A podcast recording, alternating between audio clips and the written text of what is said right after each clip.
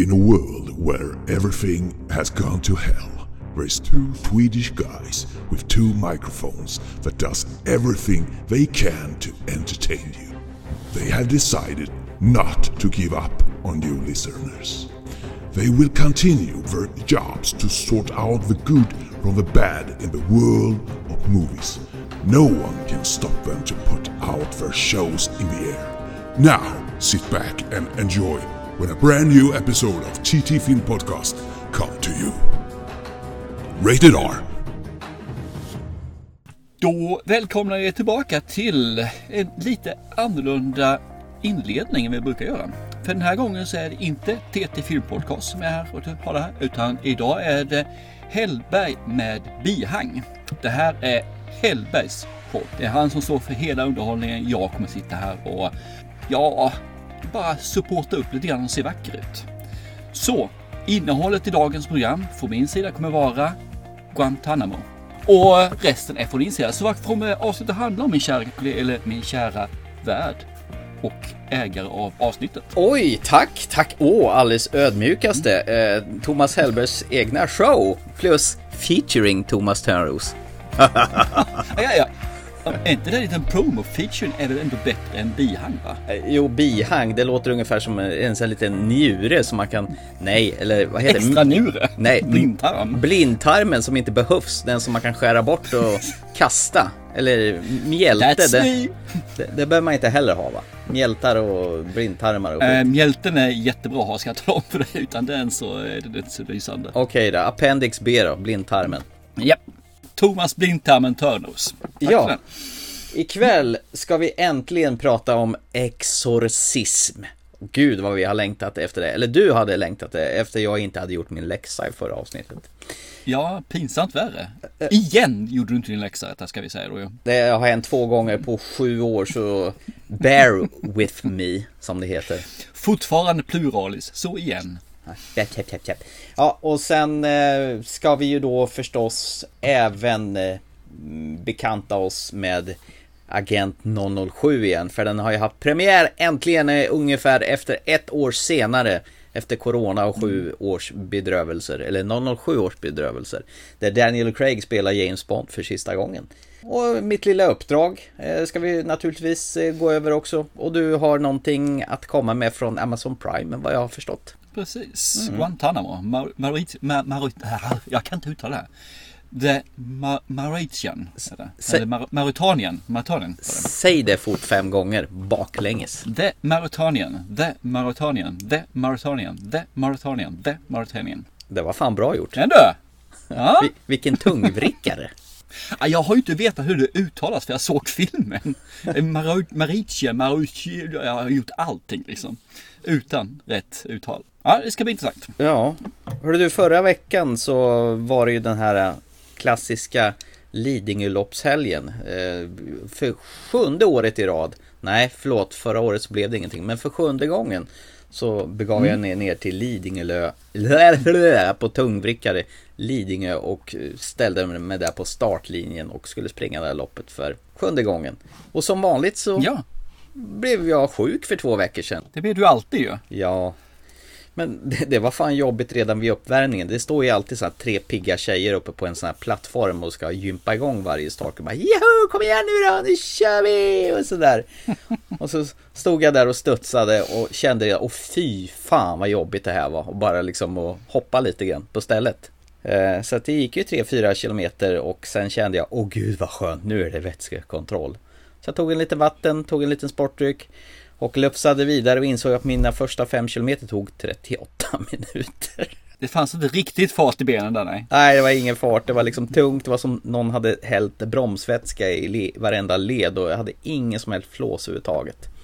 Och lagom till 10 kilometer då, då stod jag och tittade på det här eh, sjukhustältet som är bredvid eh, de här vätskekontrollerna. Tittade lite bedjan på och det är någonting vrölade i huvudet på mig. Du kanske ska bryta, du kanske ska bryta, du kanske ska bryta. Men så kommer den jävla Gunde Svan i huvudet. Du får vila sen, du får vila sen. Alltså jag, Sju nycklar, sju nycklar! Ja, skynda, skynda. Alltså jag drack väl min lilla energidryck och hastade vidare lite grann och så kom jag upp för en backe så insåg jag Nej men det här går ju inte. Det finns ju inga planer i världen att jag ska kunna köra två mil till så att jag vände på klacken och gick tillbaka och sa hej hej, jag vill bryta. Så för första gången i min löparkarriär har jag brutit ett lopp. Och vet du vad? Det kändes helt okej. Okay. Det är mognadsfas det. Du har blivit eh, ett steg närmare PRO. Eh, gubbe ja. Eller vuxen kan vi säga för vi ska vara snälla då. Ja. Nej men det är väl helt rätt men fasen varför ska du slita dig igenom och kanske då må dåligt och kanske må ännu sämre efter kan till och med skada sig för att det, kroppen säger ju nej av en anledning. Mm, jag vet. Du vet hjärnan vill en sak, kroppen sa en annan. Den här gången så ja. lyckas jag samarbeta med de här två olika eh, organen. Och det... Precis. det är väl rätt så okej. Okay. Men eh, bara för det så anmäler jag mig till, halv, till ett halvmaratonlopp nästa helg här i stan för att bevisa att jag kan. Mm. Precis. Ja. Jo, ja, men det, du lyssnade inte så mycket. Du, du lyssnade ju egentligen inte utan du förhandlade ju. Ja. Och det var, okej vi bryter loppet om jag får det här loppet istället. Ja, ja okej då. Och som, eh, som tröst så var jag tvungen att beställa en ny löparklocka också. Mm, så nu har jag gjort det. Ja, givetvis. Mm. Jaha, ja okej. Mm. ja men det är klart att du, du ska ha ett pris för att du var eh, stabil, starkt mental och insåg dina begränsningar. Ja, det är givet. Ja, jag köper det. I want the prize. och själv här så har faktiskt jag tagit steget nu och för nästan Ja, första gången på två år mm. så har jag åkt ner till mitt kära Småland och träffat min familj. Åh, oh, käka spettekaka! Nej, det är Skåne fortfarande, men good enough. Nej, så jag träffar min mamma på första gången på två år. Jag träffar min brorsa och hans fru och dotter på första gången på två år. Oj! Man märker att fasen vad lång tid det gått och jag, man har verkligen saknat det här. Det var jättetrevligt att ha en liten släktträff. Ja. Så, här, så att man satt, vi åt mat, vi pratade, hade det jäkligt trevligt. Det är bara synd att det är nästan 40 mil att åka dit då men nej, det får man väl ta. Mm. Och 40 mil hem också. Ja det är ju det men tyvärr det finns inga genvägar till det perfekta ljudet. Och vad gör du på vägen dit ner och hem? Lyssnar du på våran podd eller? Aha, jag lyssnar på podd faktiskt men jag har sparat så vi kör, på, kör till Creepy-podden när vi åker ner till Småland. Så nu har jag sparat ihop x antal avsnitt så jag och sönerna lyssnar på det. Både på vägen dit och på vägen hem. Så nu har vi lyssnat igenom i stort sett allt men han, vi hade sparat. Men han Werner tror han heter någonting. Yes, ja. precis. Så att, eh, det, det, är vad vi gör när vi är södra. Sen så stannar man ju till och så pratar man lite grann och annat också. Så Men det är rätt så jobbigt att köra faktiskt den sträckan. Mm. Framförallt när sönerna bara sitter på sina telefoner ja, när de inte lyssnar på Klipperpodden. Men det, det, det, var trevligt och det känns som att eh, lite grann av eh, den gamla vardagen är tillbaka. Mm. Nu blir det ju inte nästa träff blir ju inte förrän framåt jul givetvis. Det, det, går liksom inte att åka ner för, för ofta. Det, det, kostar för mycket och det är inte så hemskt ja, tiden finns inte där heller faktiskt. Men till jul så är det dags igen att träffa allihop och det känns eh, faktiskt riktigt nice. Ja, men eh, vad skönt. Nu har de ju släppt på restriktionerna och... Ja, och, och vi är ju fullvaccinerade också allihopa så det, är, finns ju ingenting som håller tillbaka på det viset. Att... Du går inte ut och trängs på krogen med, bland alla och... Nej, det där är ju bara pinsamt och idiotiskt. Jag blir så, jag blir så trött och...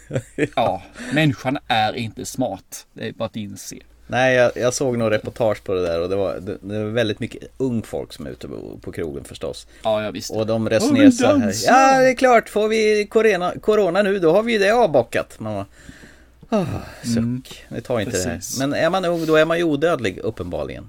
Ja men det är man ju, mm. absolut. Det var man, var man, man är fortfarande odödlig faktiskt. Men man har ju börjat fundera lite grann i andra banor tror jag. Mm. Nej, nej, vi lämnar det här. Så vi Ja, det gör vi. Vi kör! Mognadsfas på Hellberg att han kan avbryta ett lopp. Glädjebesked från Törnros när han får träffa sin familj. Mm. Det är vårt intro till det här eh, underbara programmet tycker jag. Som vi ska skjuta högt och lågt i det här programmet. Jaha, okej. Okay. Mm. Härligt. Ja. Men jag tycker faktiskt så här att nu har, nu har du fått uppskov mm. på uppskov på uppskov mm -hmm. på uppskov. -hmm. Nu är det dags för dig att prata exorcism alla Mexiko. Ja, Just det, The Old Ways. Jag vet inte varför det var så svårt att komma igång med det. Jo, det var väl för att jag satte igång. Jag vet, jag vet. Va? Det var för att jag bara ser en film. Då, då, kan inte du se den. Nej, men just det. Det blir som ett sånt här tvångsmässigt beteende att jag ska, jag ska trotsa. Jag ska göra tvärtom. Jag tittar på Squid Game istället. jag säger, det här är bra. Ditt motreplik är alltid nej, det är en skitfilm. Jag klickar in på posten till The Old Ways och den är ju så här mm. härligt tecknad och bara posten gör ju att man blir sugen på att se den. Ja, nice. Ja, men det, då, då har du en bra start i alla fall Ja. inför eh, att trycka på play. Ja, på postern är det en tecknad tjej med vita ögon och sen är det någon gammal häxa och sen är det någon gubbe och så brinner det och så massa äckliga ormar runt omkring. Bara så ni vet. Why did you go there? I told you. It was not safe. Do you know these people? The man, he is her son. He helps. The woman, she practices the old ways. She's a bruja. They don't believe they can let you go. They have seen something inside you. A demon.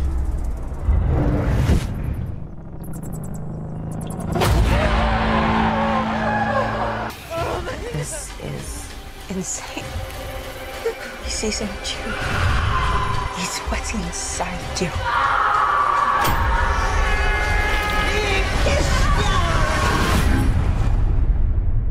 There is no demon, Christina. My name is Christina Lopez. Came to this place to die. Och den här hittar man ju på Netflix. Ja, absolut. Netflix, eh, alltså jag har faktiskt börjat gilla Netflix mer och mer för att de eh, skickar ju ut film i alla möjliga genrer och eh, språk också numera. Till exempel The Squid Ja, Game som eh, jag har väl, talat väldigt varmt om. Eh, och har du sett någonting av den eh, förresten? Nej, jag har inte gjort det. Jag har inte haft tid. Nej, att, eh, okej. Det har varit väldigt mycket på jobbet att göra nu så jag har inte orkat att se på någonting överhuvudtaget. Nej. Jag har haft tid att göra. Här har du faktiskt tre fjärdedelar av familjen sett den i olika omgångar. Ja. Det är bara min sambo som inte har Min- sett den. Min yngste son har sett den faktiskt. Mm. Och han fastnade ju så mycket så att han, eh, ja, han mer eller mindre sträcksåg den ju. Mm, det är precis vad jag, storsonen gjorde här också. Eh, De tittar Mm. ju tydligen på serier tillsammans med kompisar över Discord. Det är tydligen Mm. något nytt sätt att se på serier tillsammans. Fan vad dumt det här blev. Men jag, jag gör bara ett slag, stort slag tillbaka för Squid Game. Se den om ni inte har gjort det, alla ni som finns där ute. Men nu ska vi prata med Old Ways. Jo, handlar om Christina. Hon är en journalist. Eh, hon har väl någon sånt här eh, ursprung från Mexiko. Och så reser hon eh, till hennes hemstad egentligen. Någonstans vid Veracruz. För att undersöka en, några historier som handlar om trolldom och healing. Hon är ju därifrån och hon har ju en barndomskamrat därifrån som heter Miranda som hon vill träffa. Men när hon väl kommer dit då blir hon hux flux kidnappad av en liten grupp av lokalbor. Låser in henne och tvingar henne att dricka getmjölk. Och så kedjar de fast henne och hon i ren frustration och desperation och undrar varför gör ni så här? Bara, ja, du har en demon i dig, säger de då. Va? Vad är det för skitsnack? Och så dyker hennes kompis Miranda upp som hon eh, har vuxit upp med och menar på att du har minsann inte hört av dig på alla dessa år, men du har en demon i dig. Och sen börjar de med någon slags eh, exorcism på Christina. Då är ju frågan, har hon en demon i sig? Eller är det bara ett gäng psychos som håller på att jävlas med henne? Ja, Bra sammanfattning tycker jag. Absolut. Det här var ju faktiskt en film som grep tag i mig från första bildrutan. Eh, Jag skärmas av den här Christina som spelas av Bridget Cully Caneles. Har aldrig sett henne tidigare i någon film, men hon är förbannat charmig och eh, rätt fram och eh, har en utstrålning som bara lyser igenom tvn när jag sitter och tittar på henne. Eh, Och det här är ju någon slags De tar ett nytt grepp när det gäller det här med exorcism. Dels där att man inte vet om hon är besatt eller inte. Och du får en stor portion av så kallad body horror. Om vad man nu ska tolka det som. Det blir en hel del äckelpäckel i den här filmen. Så är man kräsmagad då får man ha en kudde framför ögonen kanske. Och det roliga är att det var ju faktiskt inte jag som tyckte vi skulle se den här filmen utan det är Katta, min sambo, som vill se den här. Och hon tycker absolut inte om skräckfilmer. Hon hatar skräckfilmer. Oj! Eller äckelfilmer. Så att, eh, och hon tyckte ändå att det här var bra. Mm, ja. Det säger lite grann om filmen faktiskt. När en som inte tycker om genren ändå tycker filmen är bra. Men hur, hur kan, kunde hon liksom eh, initiera och se på den här då med tanke på att posten eh, hintar ju om nästan Evil Dead-liknande mm, termer. Hon vet inte vad Evil Dead är för någonting. Ja, okej, okay, det är därför. Hon hade inte den referensen. Nej. Nej, det här var ju alldeles delikat och härligt och mycket klägg och mycket Alltså jag satt som på nålar och tyckte Vad ska det här barka vägen någonstans? För de håller ju väldigt länge på det här är, har en demon? Finns det ingen demon? Hur, hur, är det egentligen? Det är väldigt otydligt långt fram i filmen tycker jag. Och sen de här olika sätten de ska försöka driva ut den här eventuella demonen är ju förträffligt. Jag satt ju bara och väntade på nästa grej de skulle göra med henne.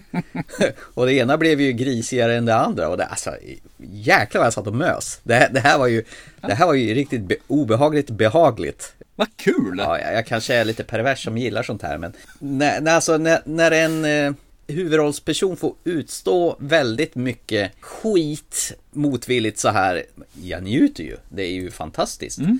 Och sen eh, den här kärringen som ska utföra den här Les som hon hette. Som spelas av Julia Vera. Hon, hon ser ju, man blir ju fan rädd för kärringen när hon kommer in infarande i den här Hon, hon är ganska grovt sminkad ja. Ja, i den här målade blodiga skruden hon har Och hennes eh, Han Javi som är slav under henne eller som är hennes son då som kommer där och eh, har hållit på med det här tillsammans med Lös så pass länge. Hjälpreda kan man väl säga. Ja, hjälpreda är väl ett bra ord ja. Han påminner lite om den här blinde fan i den här uh, Don't Brief, du vet den här blinde militären som de ska göra inbrott hos. Aha, ah, okej, okay, okej. Okay. Ja, det tänkte jag inte på. Jag fick lite sådana vibbar av honom faktiskt. Men man vet inte riktigt vad man har honom och det är också rätt nice. Karaktären är väldigt oviss. Sen tycker jag om un underplotten tycker jag om också för man får ju lite en eh, Backstoryn En eh, presentation av henne då som journalisten som då har bott i Amerika och då besöker hembyn igen. Man får ju den delen också ganska bra tycker jag. Men hon Kristina, hon är, jag gillar ju hennes karaktär för att hon är så jävla rätt fram. Hon är ju så här pang på men hon är ju sjuk, skjutjärnsjournalist. Som är van att få det hon vill när hon vill. Naturligtvis, hon är ju inte helt perfekt och felfri utan hon har ju lite drogproblem också mitt under allt detta. Så att det kan ju vara en del... Hon har lite demoner. Ja, så det här kan ju vara en del av hennes hallucinationer hon får när hon drogar på. Eller? Ja, eller när drogerna går ut. Ja, exakt. Abstinens och dylikt. Det här nedtändningen eller man säger så. Ja, ja men precis. Ja, exakt. Nej, men det, det finns ganska många infallsvinklar på hur, hur det kan vara. Eh, menar, det kan vara en ha en demon, det kan vara att de är psykopater som bara ser demoner överallt. Det kan ju vara att de ser demonen i hennes droger. Det kan vara att de ser demonen kanske i annat. Det kan vara att hon egentligen hallucinerar hela skiten, att det inte är någonting. Det finns så många saker som kan bli slutet på den. Jag tycker det, det håller väldigt öppet. Det tycker jag om. Annars är det ganska lätt i många filmer att gissa vad händer nu. Ja men det, det, kan man inte riktigt i den här filmen och det är ju underbart. Inte, inte jag. Nej inte jag heller. Och, och det är ju som sagt en one location film i princip. Så att det är ju likställt med ett kammarspel. Och det gillar man ju. Och det tycker vi om. Ja, det gör vi ju. ja. ja. men det är ju i stort sett eh, fyra och en halv person i filmen ja, kan man säga. På liten yta. Yes.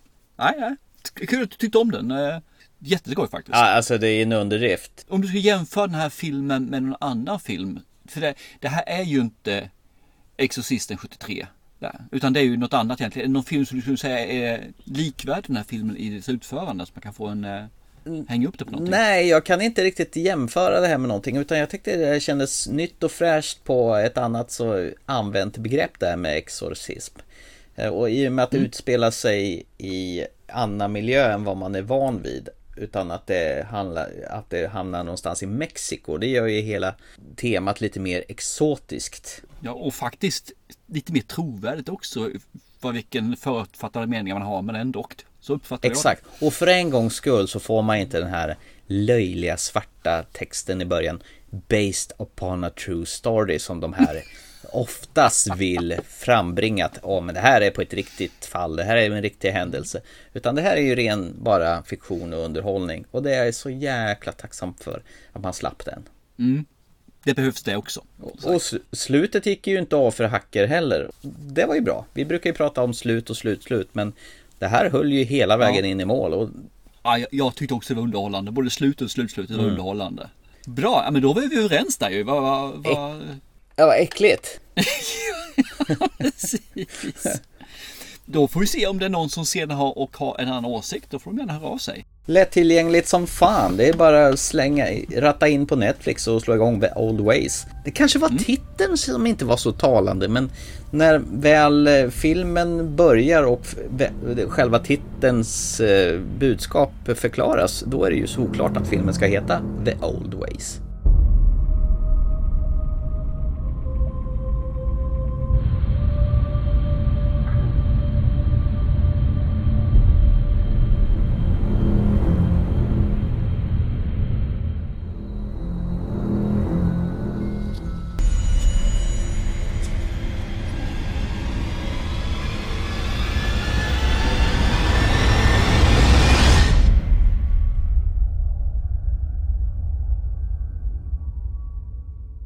Ska vi lämna Netflix och gå över till din alldeles egna lilla fjantiga, töntiga filmtjänst som jag vägrar eh, signa upp mig på?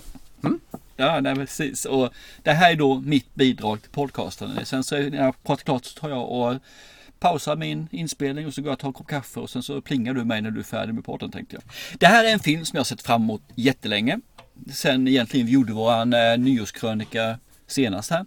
Och egentligen anledningen till att jag har gått in är inte att jag inte kunde uttala namnet utan det fanns två stycken underbara skådespelare här som jag vill ha med. Judy Foster och Benedict Cumberbatch. I samma film?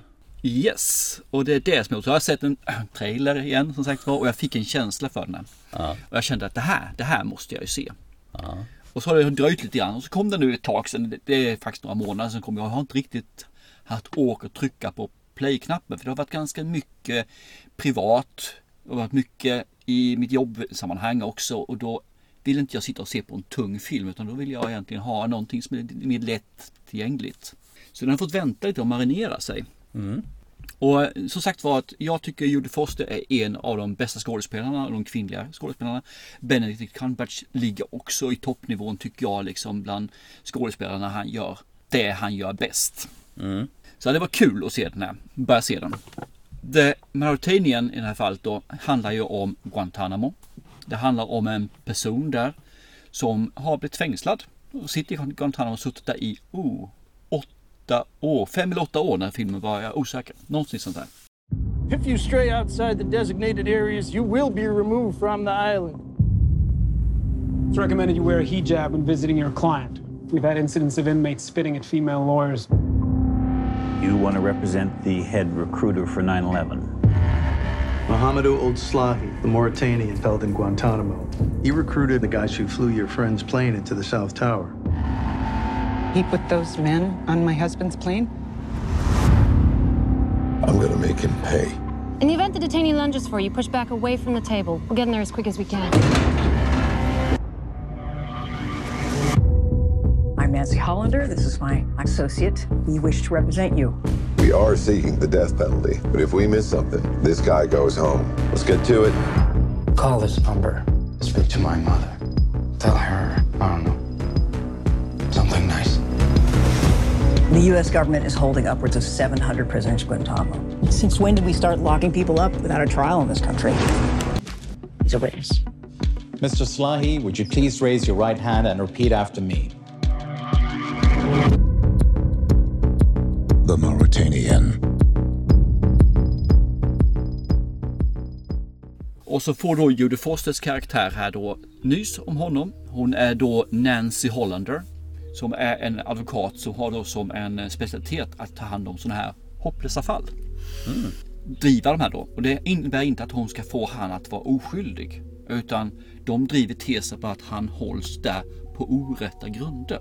Han är alltså kvarhållen på Guantanamo av orätta grunder. Inte om han är skyldig eller oskyldig eller någonting. Det har inget med saken att göra. Och sen Benedict Cumberbatch är ju då åklagaren från militären som driver det här att han ska inte vinna målet mot Judy Foster egentligen. Utan han ska se till att den här personen får stolen. Han ska alltså få dödsstraff. Det är det som är meningen. Så personen i fråga har inte fått han har inte åtalat för någonting och nu ska de åtala honom och hon ska då få fria honom. Så det är liksom en helt ny sak. Där. Båda två har sin agenda. Det negativaste med den här filmen när man börjar sätta på den och det är att det här är inte based on a true story utan det här är a true story. Det, jaha. Så det står inte ens based on utan det här är This is a true story, står det i början. Oj! Och då börjar man tänka så här, oops, okej. Okay. Så det innebär att det egentligen inte ska vara något fiktivt i det här. Utan det här är ju nästan en dokumentär, så tolkar jag texten där i alla fall. När man går in i den här filmen sen så är det, det är ju ett väldigt känsligt ämne här. Och det, det, jag kan säga bara med en gång är att när man får förklara berättelsen om hur Guantanamo kom igång och varför det kom igång. Alla vet att det är 9-11, Twin Towers, Osama bin Laden och så vidare. Och så vidare liksom. Det är ju att definitionen på terrorism är ju att man ska skrämma folk. Det är egentligen det det handlar om. Och fy fasen vad Al-Qaida lyckades skrämma ett stort land som USA. De skrämde dem så pass mycket så att du behövde inte ens ha varit skyldig för någonting. Utan det kunde vara då att du kanske var skyldig till någonting, så rök du dit. Du kunde ha träffat fel person som kände fel person, så rök du dit. Mm. Utan att veta någonting vad du var åtalad eller anklagad för. Och det måste man ju säga att de har ju gjort, i stort sett gjort en Royal Straight Flush i terrorvärlden. De fick högst jackpotten. Och det här är någonting som fortsätter än idag. För Guantanamo är ju inte stängd idag. Eh, fortsätter filmen och skådespelarprestationen här så Judy Foster är duktig. Men figuren blir lite platt. Jaså, varför då? då? Benedict Cumberbatch är duktig. Men karaktären är lite platt. Ja, men jaha, okej. Okay. Tyvärr. Tvärtom där. Eh, han som är åtalad som heter eh, Mohamedou Uld Salih. Ja. Han, han är också duktig. Men karaktären blir lite platt. okej. Okay. Vilken platt film det låter som. Judy Foster har en medhjälpare som heter Terry Duncan i filmen och i verkligheten heter hon eh, Shailene Woodley. Ja. Hon är en glad prick och jätteduktig och så sätt. Hon, hon är inte en erfaren skådespelare, hon kan bli någonting. Hon gör en bra prestation. Hon är inte platt faktiskt, men hon är inte en av de större karaktärerna i filmen. Nej. Och jag gick därifrån och såg filmen och kände liksom att det är lite platt, det är lite fadd smak i den här filmen. Ja, men usch då. Men den är två timmar och nio minuter lång. Mm. Och den kändes inte två timmar lång. Den här filmen kändes lätt som en 1.30 film eller 1.26 film eller 1.15 film. Alltså. Oj! För den, för den har ett budskap. Mm. Och nu är det ett tag sedan jag såg den här filmen. Det är bara närmar sig veckan. Och ju mer tiden går desto bättre vibbar får jag av filmen. Mm. Jag, den, den, blir, den växer, den blir bättre. Skådespelarna är fortfarande ganska med. Men handlingen och det den tar upp är ja, absolut. Det här är en viktig film. Det här är en film man ska se tycker jag. För den är så pass bra när man tittar på den. Även om karaktärerna är lite sådär så blir resten riktigt förbaskat bra. Men se den med öppna ögon och se den också för vad den är egentligen. Alltså det är en, nästan till en undervisande film. Mm. Det, så jag alltså... rekommenderar den här filmen att se den alltså om man tycker om drama, man tycker om de här sakerna som finns här överhuvudtaget. Tycker du om rättegång? Inte jättemycket rättegången här egentligen på det här viset. Det är också något jag trodde jag skulle få. Jag trodde jag skulle få mer fighting mellan Judy Foster och Benedict Cumberbatch. Men det var inte så mycket fighting utan men det var mer att de var parallella spår. Ja, ja precis det jag tänkte fråga. Är det typ som eh, på heder och samvete? Jag trodde jag skulle få det. Jag trodde ja. jag skulle få den här rättegångsdramat liksom. Pa, pa, pam! Mm. Utan, men det finns ingenting i, mer eller mindre i en domstol. Det är ytterst lite i en domstol sådär alltså. Jaha. Snopet kanske? Utan det här är, det här är, en, det är en drama egentligen. En, nästan en crime-drama skulle man säga. Fast det är militär och en stormakt mot, mot rättsväsendet kan man nästan säga i det här fallet. Då. Mm. Det låter ju märkligt med Judy Foster och Benedict Cumberbatch och att de liksom inte frambringar sina Men, karaktärer på bättre sätt. Ja. Att du upplever att de är platta. Ja, lite grann så är det och det är synd. Men jag tror att de är det för just den här första meningen. Ja. This is a true story. Ja, okej. Okay.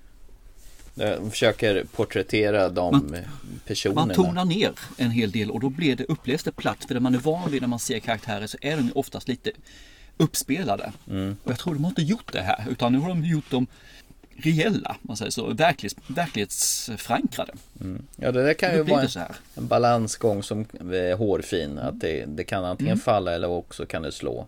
Får ni möjlighet, har ni inte Prime så tror jag den här filmen snart kommer att komma på uthyrningsställen och hela köret. Jag tycker verkligen ge den en chans. För Mm. som jag sa, det är en två timmar, tio minuter lång film som känns nästan, alltså åtminstone en 40 minuter kortare än vad den är. Det måste ju vara ett bra betyg. Jag tycker det, definitivt.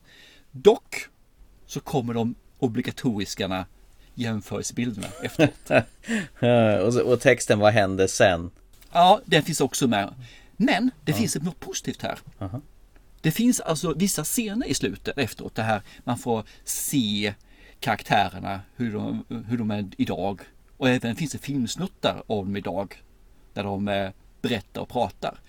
Och det är så jävla mysigt.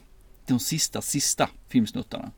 Så det höjer faktiskt upp filmen hos mig också. Jag, jag, där fick jag lite mer, man gick in och fick känsla i filmen. Alltså man fick lite, lite, lite här eh, fjärilar i magen-aktigt. Oj. De här filmerna, det här, det här och det här, det här, så får man det här och så får man det här. Det här hände den här personen och så hände det här och det här.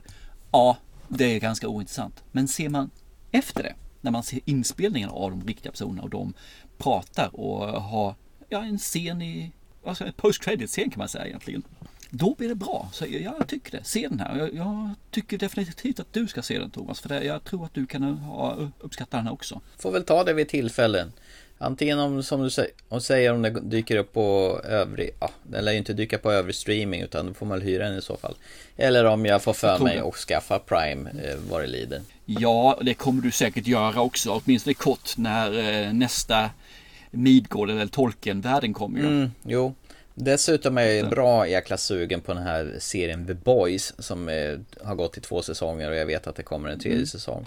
Där, eh, Jag har sett första säsongen och den är bra. Ja. Har inte sett andra säsongen. Nej, min, eh, vad heter det, Supernatural favorit Jensen Ackles har ju, som spelar Dean Winchester, har ju hoppat på det här För det är ju, Ja, okej. det, det är han skaparen till Supernatural som har gjort den här The Boys-serien. Så det var väl naturligtvis att han fick haka på när han blev ledig från Supernatural. Jag kan garantera att du tycker den är bra. Sen så, hur, vilken nivå på bra, det, det säger jag inte. Men du kommer tycka att den är bra. Ja, jag, jag tror det också. Och det finns ju faktiskt lite gött och blandat på eh, Amazon Prime. Det, jag har ju förstått det. Men jag sitter ju fortfarande med Netflix, jag sitter med Viaplay, jag sitter med HBO eh, som Max nu snart. I oktober övergår ju Nordic till Max. Och även Disney Plus. Så jag känner att fem filmtjänster är ju lite att ta i överkant. Då måste Ja. jag ju ta bort någon i så fall.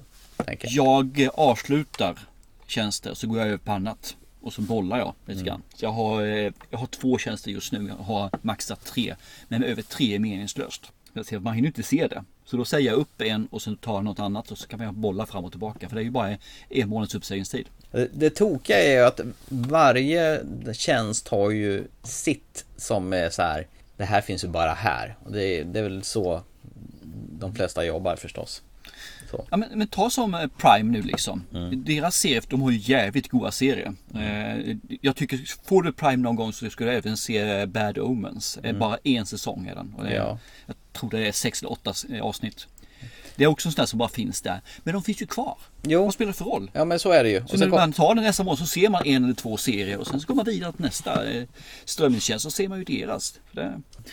Nej, jag kan bara avsluta. Eh, Mauretanien, Mm. se den. Och anledningen till heter Mauretanien är för att den här personen eh, som de eh, ska försvara då kommer ju från Mauretanien. Det är därför namnet. fick vi svar på det också? Yes, jag tänkte jag få tillägga det som sagt för så inte folk undrar varför sånt konstigt namn som jag inte kan uttala. Fast du sa ju det fem gånger i in, inledningen. Ja, ja.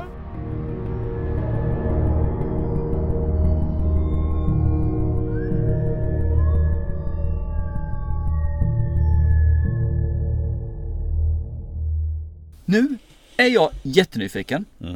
Jag har gått här och sett trailers på den här. Mm. Eller, Jag har sett en trailer och sen så har jag inte sett mer och den trailern gav mig Yes! Back to basic. Tillbaka till ursprunget. Ge mig mer. Den nya Bond-filmen No time to die. Den trailern är ju groteskt bra. Hurdan är filmen? För du har ju sett den här. Jag har inte sett den. Nej. Det är din show. Undervisa mig. föreläs, menar, fräls mig. Du, innan vi börjar, vad är din relation till Nej! Jo, jo. Okej, okay, innan, okej. Okay. Min relation till? James Bond ö, över alla dessa år. Den har, franchisen har funnits i 60 år nu, tror jag. Sen 1962 kom i alla fall den officiella James Bond-filmen med Sean Connery, Dr. No. Hur har liksom du haft din relation till Bond under alla dessa år, fram till idag? När jag, när jag var ung pojke, en liten Mm. s- squidlitt, så kom ju Bond in i mitt liv. Mm. Och eh, jag tror att Bond mer eller mindre pikade för mig när jag var hmm, 18, 20 någonstans där. Mm. Kanske, ja, kanske något, nej men runt där kan jag tänka mig. Eh, för det, då var det fortfarande intressant. Man gick fortfarande på bio och man tyckte liksom, eller pikade ska man inte säga. Det var där det började dala. När man var den åldern. Mm. 20, 21, 22 kanske. Okej. Och efter det så har det blivit sämre och sämre och sämre. Men det var egentligen när eh, Roger Moore slutade som man kände. Eller egentligen de sista filmerna. Roger Moore var ju inte i Västing Västing bra heller. Men det var där det gick åt fandest. Jag säger inte att Timothy Dalton var dålig. Jag säger bara det att karaktären och, och hur filmerna gjordes hade, blev inte bra. Mhm. Sen kom ju Daniel Craig faktiskt tillbaka med eh, Casino Royale. Mm. Den är, vad heter den? Ja. Ja. Och där, där tänkte jag nu, uppsving, bra, jättebra. Och sen vart det ju bara en one time wonder för de övriga filmerna där är mm, med. Jag vet att du tycker Skyfall är en riktigt fantastiskt bra film, men jag tycker den fortfarande är mm, med, med. I beg to differ. Men No time to die, om den levererar vad trailern gör så är det inte med, med, med längre utan då är det med.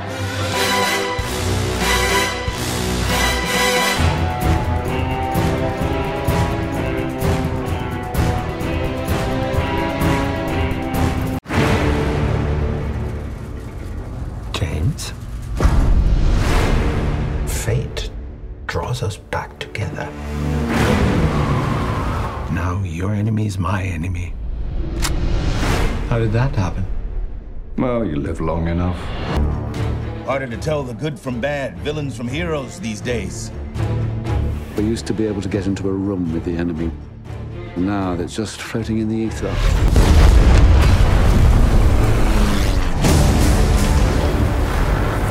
James Bond. We both eradicate people to make the world a better place.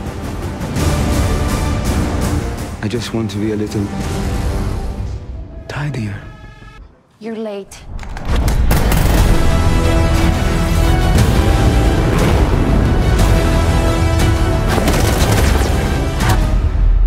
Can I just have one nice evening, please, before the world explodes?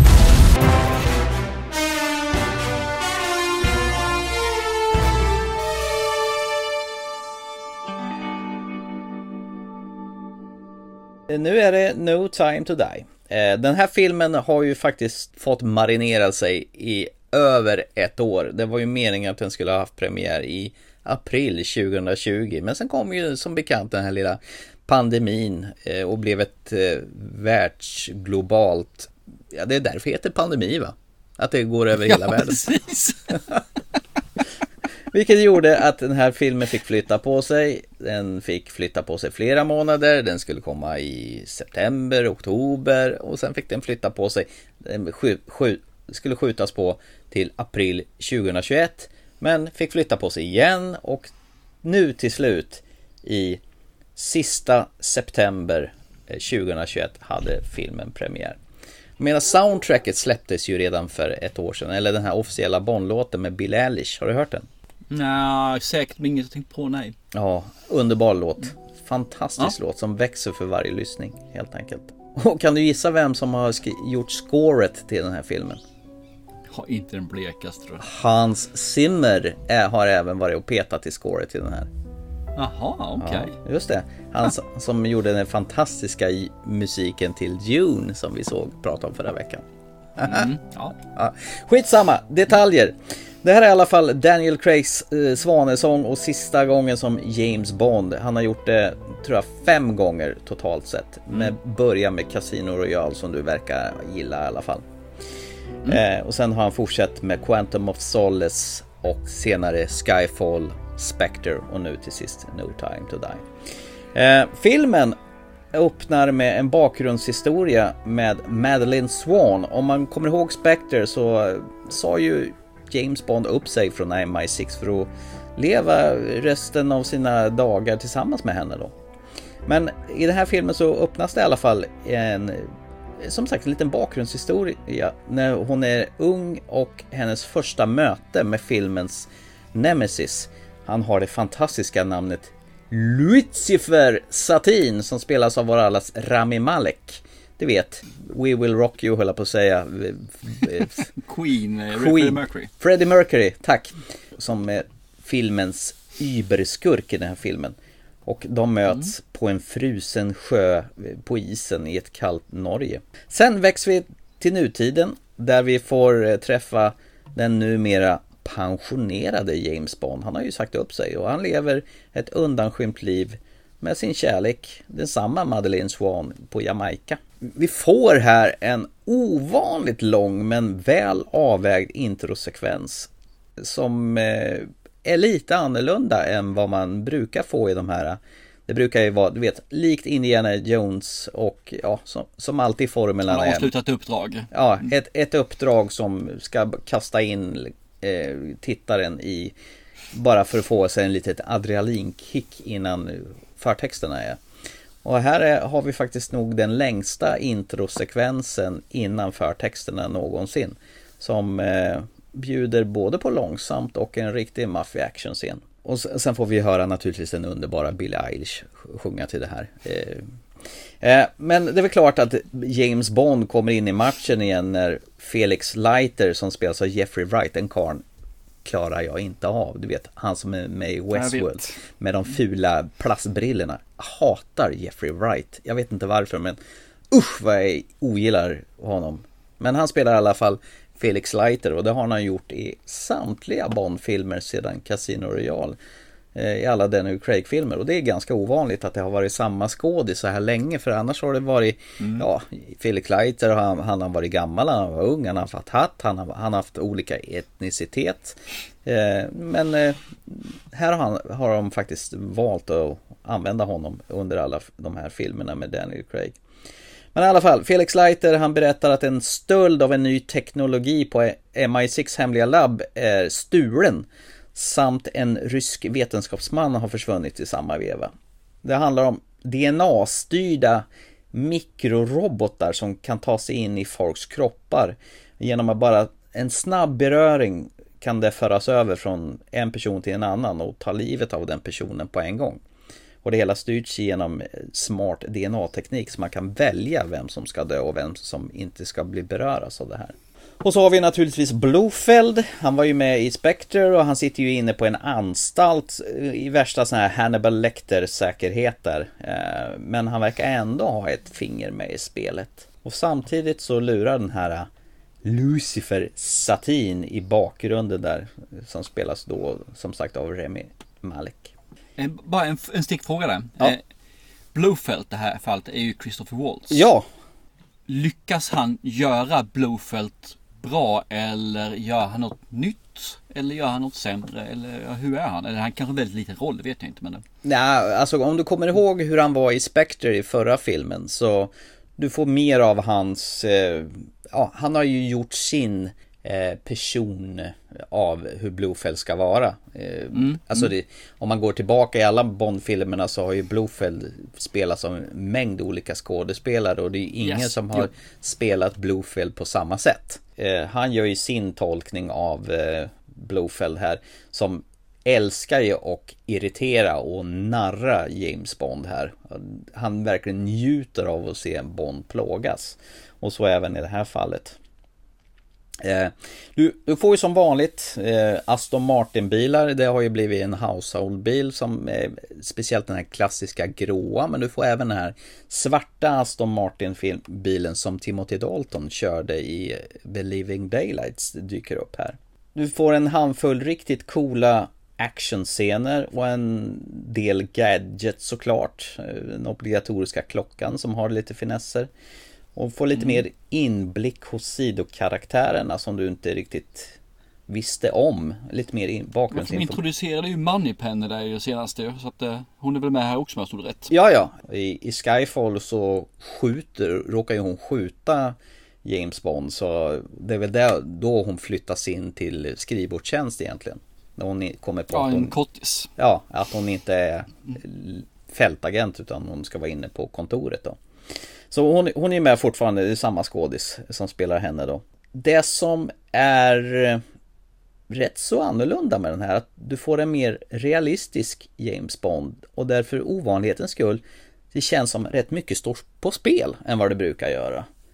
Och Det som är grejen är att Craigs filmer har ju bjudit på en kontinuitet sedan Casino Royale. Du vet när han mötte Vesper Lynd som spelades av fantastiska Eva Green. Du vet hon i Penny Dreadful.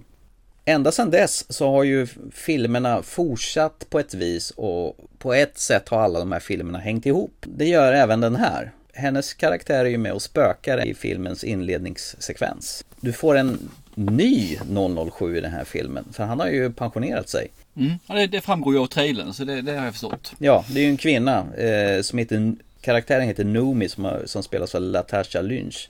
Som har fått tagit över hans eh, Agent 007 titel då. I och med att eh, Mm. Bond har ju hoppat av MI6. De träffas ju och eh, hon är ju lite orolig över att, att han ska bli förbannad över det här. Men han menar på, ha, det är bara en siffra.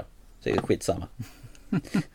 Eh, Hon är svincool och är riktigt kaxig och framåt här faktiskt. Och sen får man träffa en tjej som heter Paloma som spelas av Anna de Armas som visar sig vara en riktig tillgång för Bond när helvetet brakar lös. Mm. Eh, Remy Malek, han är ju fantastiskt äckligt härlig som den här Lucifer Safin och han är ju en ordentligt slemmig skurk som på ett klassiskt Bondvis. Christopher Waltz, han uppre- återupprepar ju Blofeld från Spectre och han, jag tycker han är en fröjd att se på och som sagt som jag sa tidigare han är duktig på att reta gallfeber på Bond med att häckla honom då. Eh, och sen Hans Zimmer. man kan ju tycka vad man vill om honom. Han har gjort scoret den här filmen och, och musiken är faktiskt jätteviktig i den här filmen. Okej. Eh, kan man sin Bond-historia då förstår man faktiskt varför den här musiken är viktig. Så jag säger inget mer med det. Okej. Om man då inte kan sin Bondhistoria, missar man någonting då? Eh, nej, men jag tror du har mer nytta av den då. Eh, har man sett jättemånga Bondfilmer som jag har så hör man ju när vissa teman tweakar och kommer tillbaka som, som har varit med i tidigare Bondfilmer. Eh, Och det, det finns en finess med det hela. Okej, okej. Det som jag blev lite så här konfunderad på. Du vet den klassiska gun barrel eh, i början. Du vet man får se de här vita ringarna som kommer och, och sen får du ju se pistolmynningen eh, där James Bond Mm. kommer gående. Den har de ju ändrat lite grann på genom åren. I början hade ju Sean Connery hatt och ställde på knä när han sköt och Roger Moore han eh, gick ju på sitt sätt och Timothy Dalton gjorde på sitt sätt. Och, och alltid har det ju varit det här blodet som har runnit ner när, när skottet träffas. Men i den här så fanns det inget blod. Så det var lite udda. Okej. Ja, okej. Och Ja. Men jag tycker om det just att de gör lite tweaks på det. Ja. Jag tycker det är helt okej. exakt. Det var i någon film de skick- skickade in en datanimerad kula i. Jag tror det är den här Die Another Day.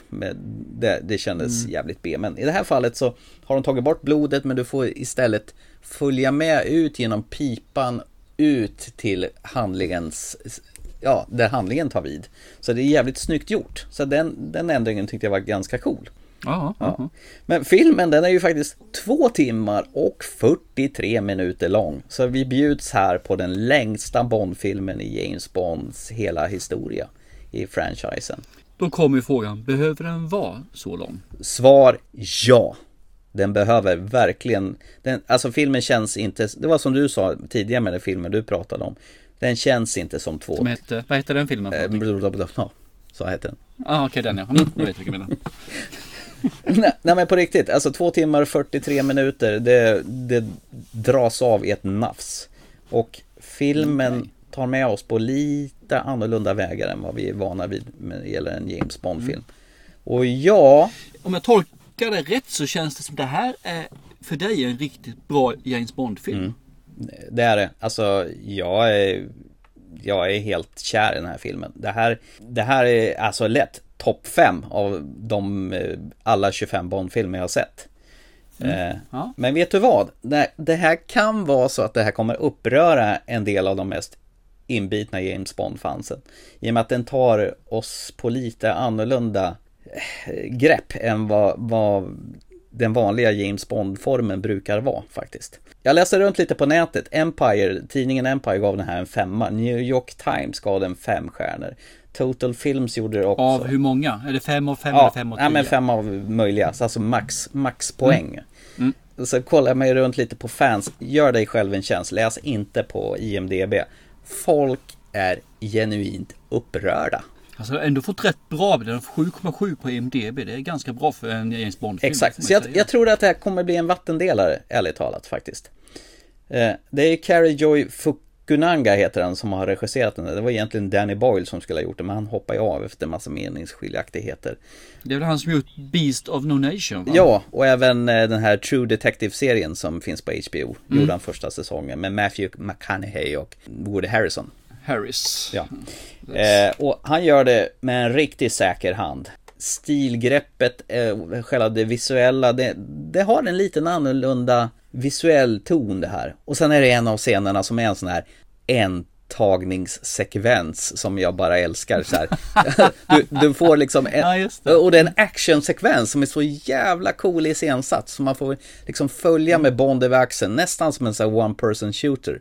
Och det är så jävla häftigt och snyggt gjort. Så att, alltså jag blir nästan tårögd vad häftigt det var. Okej. Vi vet att du har ju precis sett den här vi Du såg den idag. Mm. Så det ska bli intressant att se om vi kan göra en uppföljning på den här filmen i nästa avsnitt och se om den har satt sig och om den bibehåller den här euf- euforin du har nu eller om den faktiskt har lagt sig eller till och med har blivit ännu bättre. Mm. För jag vet att det, ibland går man ut därifrån och känner någonting och efter en eller två veckor så, så känner man något annat filmen. Mm. Så jag tycker vi ska ta en kort, eller försöka fall komma ihåg att ta en kortis nästa avsnitt och se vad är eh, den har lagrat som Ja, marinerats lite grann. för grejen är, det är faktiskt bara tre timmar sedan jag kom ut från biografen här. Så det här är ju nästan en biospotting i stort sett. Ja, egentligen faktiskt. Men eh, det var nog tur i alla fall att jag fick några timmar att fundera på det hela. Eh, Jag hade med mig min sambo, hon var inte ett jävla dugg peppad på scenen när hon fick höra filmen var två timmar och 43 minuter. Så hon försökte, hon försökte faktiskt deala bort eh, sin plats med storsonen. Men han var vilket slöseri med tid, sa han. Aldrig i livet, sa han. Så hon fick, så hon fick allt eh, häva sig iväg. Och lillsonen, han var helt tyst hela vägen hem faktiskt. Så det var, det Mm. var lite svårt att läsa av vad han tyckte. Jag kan säga så här att det här var väl värt väntan. Filmen som skulle som sagt ha kommit ut 2020 Men nu har jag äntligen sett den. Det var en omtumlande berg och dalbana som bjöd på förstklassig underhållning. Är det här då en bio, biofilm eller är det, nej men det fungerar att se den här hemma? Nej, jag skulle definitivt se den här på bio. Alltså James Bond-filmerna är ju först och främst gjorda för eh, bioformatet. Det är där, vad heter det, de här Eon-familjen, alltså Barbara Broccoli och... Fast, fast jag tycker de senaste filmerna har varit, nej, det spelar ingen roll om man ser dem på bio eller inte. Jag visst, bio är ju alltid lite mer, Mm. det är det, så är det Ja. liksom inte mer med det. Framförallt när det är actionfilmer. Ja. Men bara för det så tycker jag de passar bra hemma också. Det är mycket storskaliga scener i den här filmen. Det tycker jag oftast det är egentligen, men den, just den här var väldigt mäktig och den gav en väldigt lyxig känsla över det hela. Det var länge sedan i alla fall jag gick ut från en Bondfilm och var så här tillfredsställd som jag var vid det här. Och eh, det var en ovanligt realistisk James Bond-film som vågar utmana konceptet från Mm. det tidigare och ta ut svängarna ordentligt. Jag kan förstå de som inte gillar den här. Och in, jag har hört när jag läste runt, en del tycker att det här är ingen riktig Bond-film. Men jag som sagt tycker det här var en topp fem av alla Bond-filmer jag har sett. Mums filibabba. Mums! Ja, kul att höra. Det blir lite mer pepp på det. Men jag var ju pepp redan när jag såg trailern som sagt var. Men som sagt, det är inte mycket av trailern som eh, du, man kan bli missledd. Eh, trailern eh, visar bara en liten fjantdel av vad hela filmen är, om man säger så. Eh, Men det är väl inte konstigt när filmen är t- 3.47 eller 2.43 menar jag. Ja. Och då visar två minuter på trailern så det är klart att de visar bara en liten del av den. Ja. Hur tänkte du? I och för sig. Nej, bara skojar med. Nej men alltså det, jag tycker man får en känsla i alla fall som är positiv. eh, Hur eh, filmen framställs. För man ser ju en del actionscener som är staplade på varandra. Mm. Men det finns fortfarande gamla James Bond hur de har, har gjort actionscener och vilken typ av scener man gör. Mm. Och det är det som jag har fastnat för. Jag känner bara att det här är ju inte det här animerade skiten som har varit tidigare. Alltså det här är ju tillbaka till riktiga stunts. Och du har ju bilarna, du har Och det är det jag menar med det back Ja. to the basic, det back till den riktiga James Bond. Och hör och häpna, han använder en mobiltelefonen, en Nokia. Jag visste inte ens att Nokia gjorde mobiltelefoner längre. Nej, jag tror inte de gör det. Nej, men han hade en, en, en Nokia-telefon i alla fall. Det var, Ja, ja. det, det var lite udda faktiskt. Och som sagt, musiken är ju faktiskt fantastiskt fenomenal. Du vet, jag är ju lite pervers när det gäller det här med musik och scores i filmer. Och den här Mm. satt ju som en smäck. Så att Hans Zimmer, allting är förlåtet för det här bröliga du gjorde till Dune. Ja, ja, ja, ja, ja. Ja, så är det. Eh, smaskigt värre och det var ju tur att eh, Daniel Craig gjorde en till efter Spectre för den tyckte inte jag var så värst. Det här var en eh, sorti som hette duga. Jag kommer knappt ihåg Spectre ska jag tala om. Nej, du Den ser. Är, verkligen. Mm. Mm. Så att, eh, men jag har tyckt att det har varit väldigt fatt i, i sista. Mm. Ja. Quantum of Solace var ju ruggigt dåligt. Ja, nej, det, den är ju, för fan, det är ju en sån där film som de inte borde ha gjort utan det var ju nog att de hade Casino Royale blev en sån jäkla monumental succé och gav en riktig Mm. vitamininjektion i den här franchisen.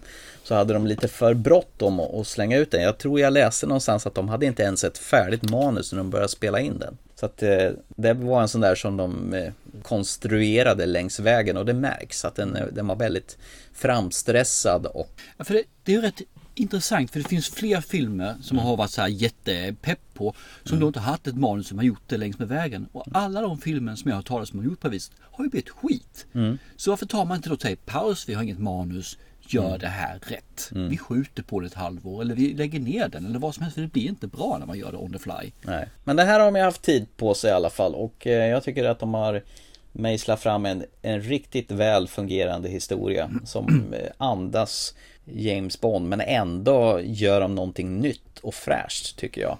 Alltså James Bond eh, bör ju ändå förnyas med tiden för att passa samtiden och det, det gör den här faktiskt väldigt väl. Mm. Jag håller med. Det måste, det måste förändras för annars så blir det bara kopia på sig Mm. själv till sist. Kul att höra. Ja, men då blir jag lite mer pepp. Då kanske jag ska planera in ett biobesök i alla fall. På den här. Mm. jag tycker det. Och sen, jag kanske ser om jag kan vi- få med mig tjejen och inte nämna tiden så blir det nog kanske att hon kan tänka sig gå på det. också. Exakt, och så kan vi ta diskussionen efteråt. Det kan bli skitintressant. Vi får se vad vi kan få till om... eh, Ja, jag får se. Jag har inga garantier, inget löfte. Nej.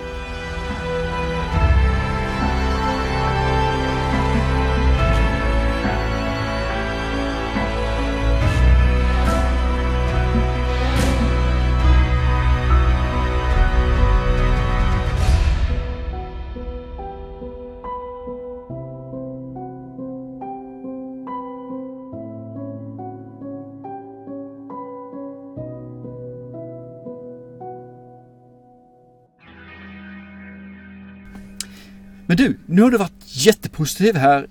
Och Jag känner liksom att du rider på en våg där skummet bara är p-värde 11-12 någonstans. Ja. Och då undrar jag ju, är du lika positiv när du har börjat att diskutera ditt eminenta uppdrag?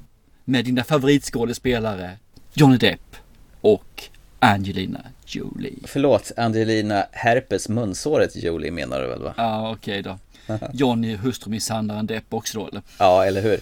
Ja, men det, det här är ju lite, jag har väl varit ovanligt positiv i det avsnittet. Jag brukar ju vara den här surgubben som har klankat ner på det mesta den Ja, men- senaste tiden va? Så jag undrar liksom om du rider på den här vågen eller om du tömt ut varenda tunna av positivism du har i dig alltså. Det är Ja. ju det som är frågan. Kommer det här nu vara liksom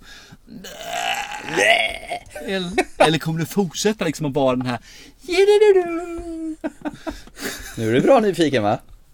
Mm, jag är faktiskt det. Ja. Ja, ja, jag, har, jag har mina aningar. Men eh, det ska bli kul att se vad du säger och tycker och känner och eh, vart det backar hän i alla fall. Mm, Okej, eh, då kör vi då. Jag har, fick ju i uppdrag av dig filmen The Tourist från 2010.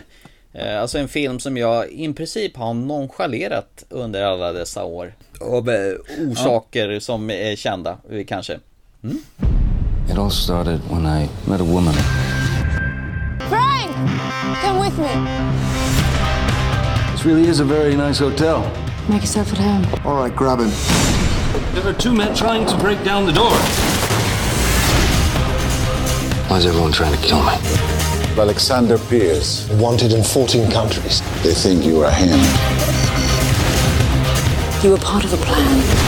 This is exactly why she chose him to distract us. I am sorry I got you involved in all of this. Why are you involved? You wish to report a murder. Attempted murder. That's not so serious. Not when you downgrade it from murder, but when you upgrade it from room service, it's quite serious.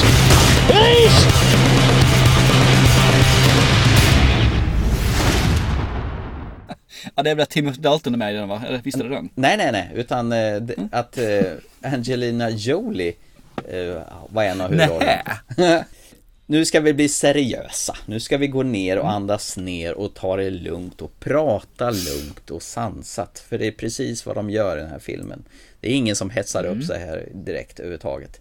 Vi får möta Angelina Jolies karaktär Elsie Clifton Ward som eh, har något fuffens på gång. Hon sitter på ett fik i Paris eh, och är bevakad av, jag tror det är Interpol eller någon eh, spionliknande organisation i alla fall, som drivs av Paul Bettany som är någon inspektör som heter Joan Archerton. Hon får ett brev där hon ska gå på ett tåg och så ska hon leta på en man som har ungefär samma längd som den här brevskrivaren då.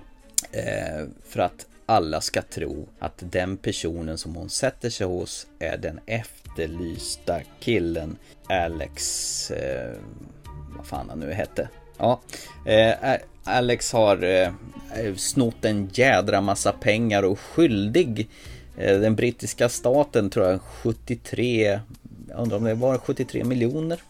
Och samtidigt så är ryska gangsters efter honom för han har också stulit massa pengar i alla fall. Elsie sätter sig hos en man vid fönstret på tåget som heter Frank. Som spelas av Johnny Depp och börjar flörta med honom där. För att sedan kliva av i Venedig. Alexander Pierce hette han förresten, den här mannen som är efterjagad av i hela världen. Han har dessutom opererat ansiktet för att inte kännas igen.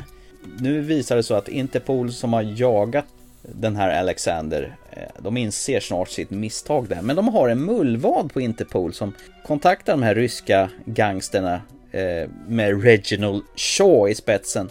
Som tror att det är minsann är Alexander där som är skyldig dem en massa pengar och som nu kliver av tåget i Venedig. Eh, lite rörigt kan jag tycka, men ändå är det en sån här trivsam historia som visas upp Venedig av sin bästa sida. Har du varit där någon gång? Ja, jag har varit där för jätte, jätte länge sedan. När jag gick ut nian så var vi där. Okej. Jag menar, det, det är ju en rätt så fantastisk stad där med gondoler och båtar. Det är, det är en jättefin stad. Jag skulle tänka mig att kunna åka dit igen faktiskt. Ja. När nu i vuxen ålder. Hur, hur funkar det egentligen? Alltså, hur, är det hela staden uppställd på pålar eller? Nej, inte hela stan så, men det är, det är ju väldigt mycket som är på pålar och eh, vattenvägar och så här. Men det Mm. finns ju annat också, det gör det ju. Mm. Så, det, så det är ju inte en vattenstad 100%. Det jag blev jätteglad med det här, Paul Bettany, han har man ju sett i typ eh, Da Vinci-koden. Jag tror väl han som är självspäkare i den, som är den här eh, albino-prällen där. Sen nu senast har man ju sett honom i Marvels värld när han är Vision, senast när Wanda Vision. Och han är ju Mm. en stabil, härlig skådis. Och här är han nästan lite manisk för att leta rätt på den här Alexander som, som är på flykt där. Och sen blev jag ju jätteglad att se Timothy Dalton igen som du nämnde där inne. Som är som chefen över den här jag tror fortfarande att det är Interpol. Jag jag fick aldrig klart för mig Ja, jag, tror, jag har för mig det, det också faktiskt. Att det är inte på. Och, och jag blev så glad för jag menar, han var ju med i den här serien Penny Dreadful som vi såg. Mm. Och han var ju superbra där också. Det är ju det är schyssta ansikten som dyker upp här. Och även Steven Berkoff som spelar den här äh, Reginald Shaw, han som är den här äh, som omger sig bland ryssar. Han, är, han såg man ju som gangster i Beverly Hills Cop och sen var han ju, spelade han en rysk eh, idiot i Octopussy och här har han ju blivit hundra år äldre men jag känner ju igen honom speciellt med hans prick som han har mitt i pannan. Han har ju någon slags leverfläck där i pannan som ja, han är så här härligt slemmig och äcklig så det är ju underbart. Märker du hur jag går som katt kring het gröt Ja, kring då, huvudrollspersonerna?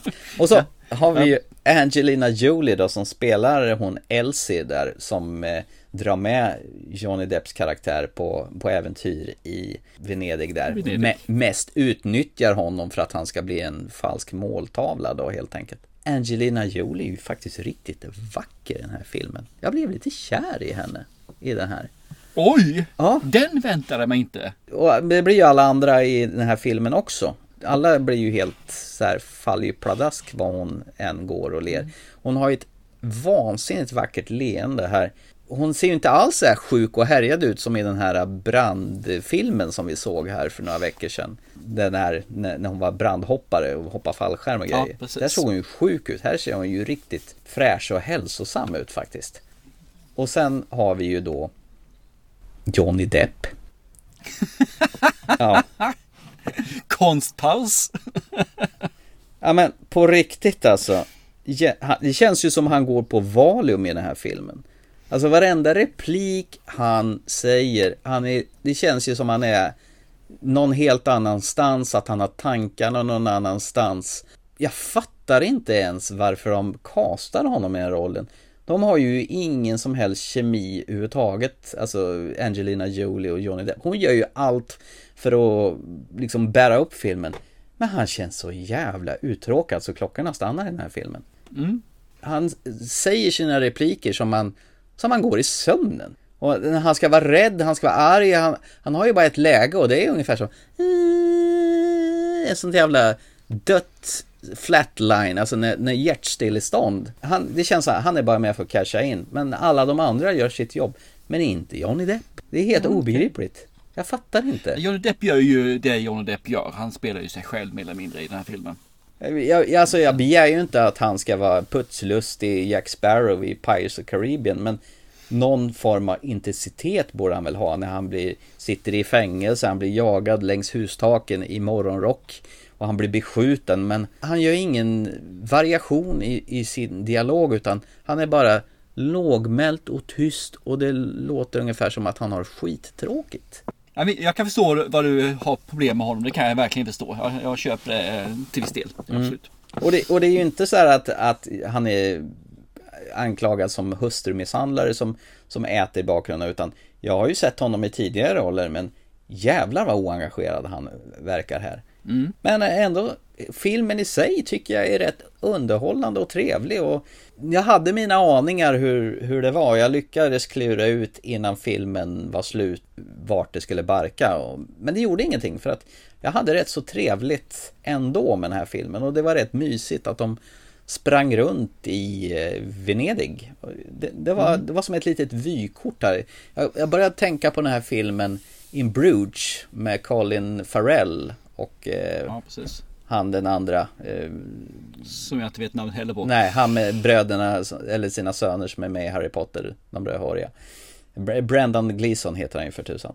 Eh, den började jag tänka på liksom att den hade ju också lika gärna kunnat utspela sig i Venedig eller så. Men, och, till skillnad är så var det ju suveräna skådisar här. Eh, här var det en del bra skådisar. Jag tycker Angelina Jolie gör ett jävligt bra jobb. Hon är trovärdig, hon är vacker, hon är fruktansvärt vacker. Speciellt när hon går på den här galan som hon, eller balen som hon blir inbjuden på. Eh, och det blir lite katt och råtta-lek där. Den är fantastiskt vacker. Och det är ju fränt att de anländer med båt och kliver in där. Eh, och likadant flygplatsen är ju intill ha, vattnet. Så här. Nej, jag tycker det är läckert. Men Johnny Depp borde, det borde ha varit vem som helst än honom. För jag tycker han sänker hela den här filmen. Fy fan alltså. Jag gav den här till uppdrag till er av egentligen några fåtal anledningar. Ena var för att jag tycker det här är ganska underhållande. Det här är inte en, en mästerfilm, men den Nej. är ganska underhållande tycker jag, den här Ja, filmen. ja. Och så är det många som har dissat den totalt. Mm. Och det, det, var lite, det var en anledning att jag ville att du skulle se den. Och Mm. det andra var just att vi hade Johnny Depp och Angelina Jolie med. Mm. Och jag ville se också lite grann hur, hur du omfamnade dem där i det här. För du tycker inte om Ang- Angelina överhuvudtaget. Och du är inte något fan av Johnny Depp heller egentligen. I alla fall inte det senaste han har gjort. Ja, jo då, herregud. Det finns filmer som jag uppskattar med honom. Jag tänker på Sleepy Hollow när han jagar den här huvudlösa Ja men det är ju, det är ju de- här gamla filmerna. De senaste är ju... Ja. Har du ju inte tyckt var så jäkla. Från den här eh, när han blev ett program. Nej fy fan. Den här. Transcendence. Den var ju... Transcendence heter den precis. Fy fan vilket Efter det så har du dissat honom totalt vad jag vet. Ja, jo, nej, nej. De kunde ha castat någon okänd. Varför måste man trycka in så mycket kändisar så, som det bara går? Två stycken välbetalda skådespelare som säkert checkade upp hälften av budgeten. Med all säkerhet ja. Ja, men Angelina Jolie, hon, eh, hon, jag har ingenting ont att säga om henne i den här filmen. Jag, I den här filmen så har jag nog fan omvärderat henne, tycker jag. Kul att höra. Ja, ja. Och sen var det som sagt var det jätteroligt att se Timothy Dalton och Paul Bettany och även han som sagt Steven Berkoff som spelar den här ryssen. Och jag har aldrig sett någon strypa någon med ett måttband förut samtidigt som han får sin kostym utprovad. Den var ny. Den har jag nog aldrig sett i filmhistorien någonsin. Ja, nej, precis. Nej, nej men eh, bra underhållande film. Om man bara plockar ut Johnny Depp ur ekvationen så hade det här varit ännu mer trivsamt att se på. Coolt. Ja men bra. Då är du i alla fall, det låter som du är lite grann på min nivå. Det här är en helt okej film att se. Det är liksom inte en eh, kalkon-kalkon. Men det är ju Nej. inte heller den här eh, Guldpalmen-filmen. Men den är helt okej. Ja, ja, absolut. Sevärd och underhållande för stunden. Ja. Och det är trevligt när de är på sådana här ställen som man själv skulle vilja åka till. Så man får se lite grann Ja, hur, hur det ser ut där. Och väldigt snyggt filmad var den också. Den var snygg, den kändes lyxig, gjorde den. Gjorde den, gjorde den. Nu har jag sagt Kul. gjorde den tre gånger. gjorde den. Gjorde den. Ja, fastnat. Precis, tre. Tre av samma räcker. Kul! Jag tycker det var jätteskoj. Jag, jag tror inte fler kommer se den här filmen på grund av det här. Jag tror att de har nog sin, vad de tycker om den och vad de tycker om skådespelarna.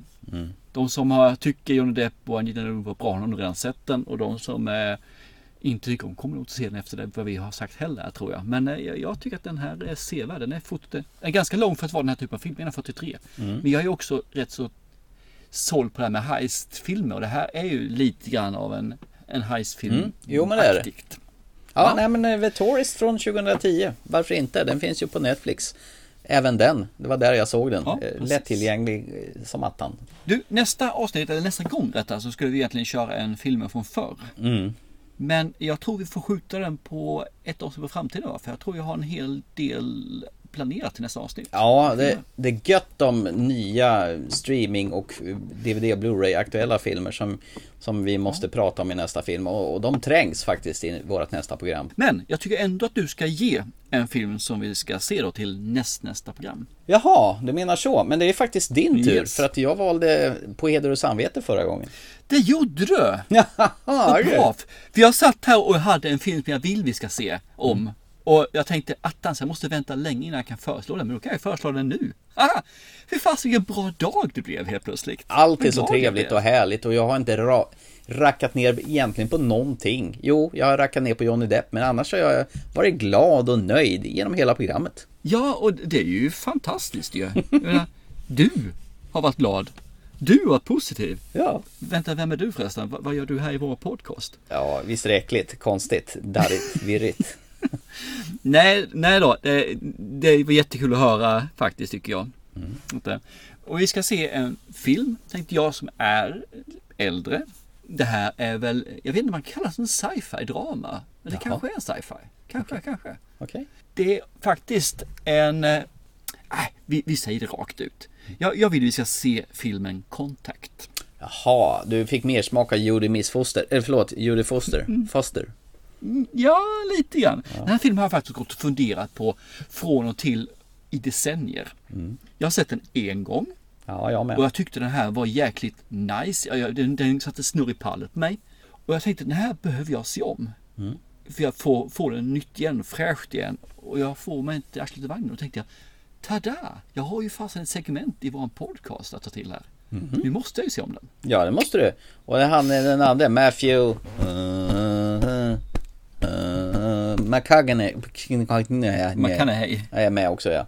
Vad säger du om den? Ja men det blir jättebra. Då har vi ju hur lång tid som helst att titta på den innan vi ska prata om den. Så att eh, gött mos, tycker jag. Jag säger, det finns ju ingen ursäkt nu. Du kan ju inte ens säga att du inte kan se den. För nu har du ju fyra veckor på dig. Eh, toppen! Men ska vi summera då vad vi har pratat om då? Eh, vi pratade Mm. om exorcism i Mexiko eh, på lite annorlunda vis via Old Ways och, och den var ju mums filibabba. Eh, det lät ju som vi båda tyckte det. Mm. Vi pratade om, eh, ja du får nog säga vad den heter för jag kan inte uttala det. The Mauritanian. Och det verkar som du vill tipsa att eh, folk ska se den för att det är en viktig film också. Inte bara för att Jodie Mm. Foster och eh, Benedict Cumberbatch är lite halvplatta i den. Och Daniel Craigs final som eh, James Bond i No Time To Die var en riktig fullträff enligt mig så här tre timmar efter biobesöket. Eh, Så att filmen knappt hade kallnat. Fruktansvärt underhållande, en av de bästa Bond-filmerna på bra länge enligt eh, Thomas Hellberg i alla fall. Och till slut så var Tourist från 2010 var en riktigt härlig film och eh, helt plötsligt började jag gilla Angelina Jolie och eh, hata Johnny Depp lite mera.